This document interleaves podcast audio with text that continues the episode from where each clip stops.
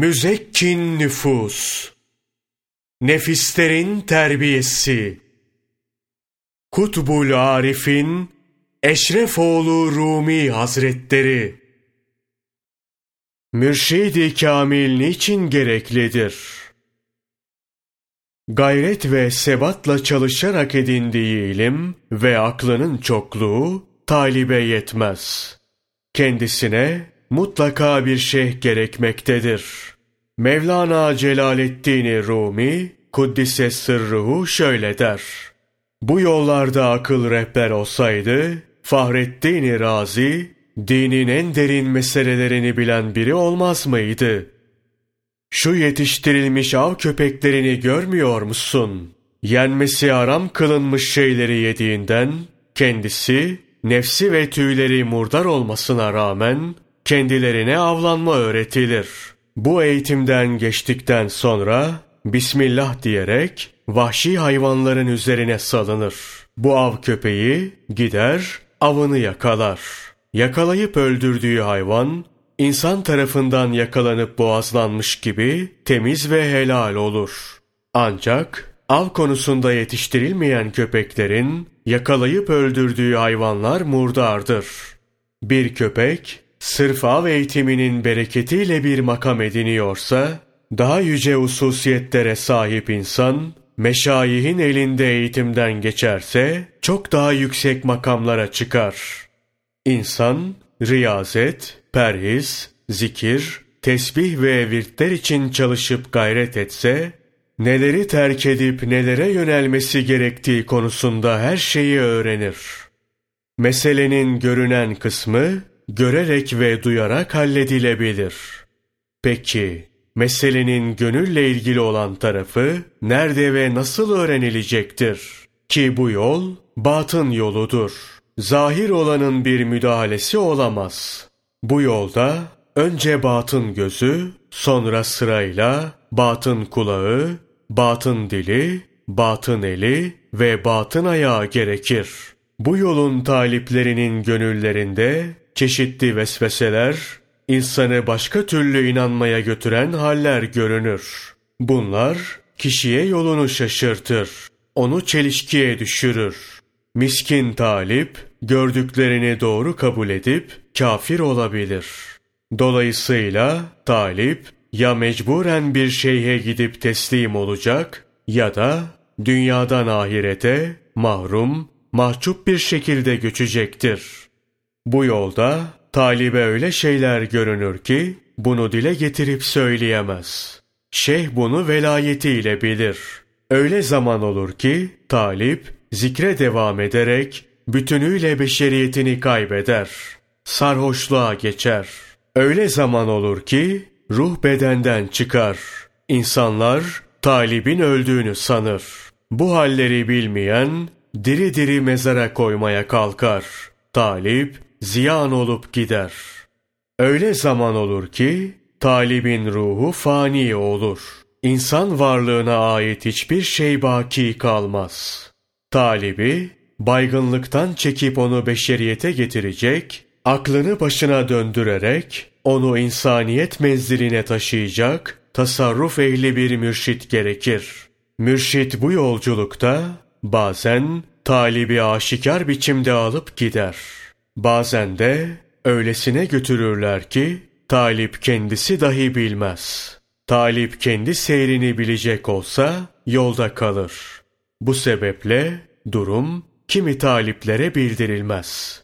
Zira talip seyir ve mertebesini bildiğinde doğru bir şekilde ilerleyemez.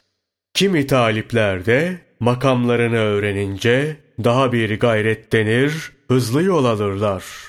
Öyle zaman olur ki mürşit, talibi, akıl, can, nefs ve gönülden kopartır. Onu cansız, akılsız, gönülsüz ve nefissiz halde götürür. Zira bu yolda öyle yerler vardır ki can, gönül, nefs hiçbir şey oraya sığmaz. Nitekim bunu çok güzel belirten bir beyit de vardır.'' Kobu yoldaşlarını, yalnız ol. Sen dahi sığmazsın anda. sensiz ol. Acem erenleri de şöyle demişler. Her gece seher vakti, yari özler, öyle gideriz.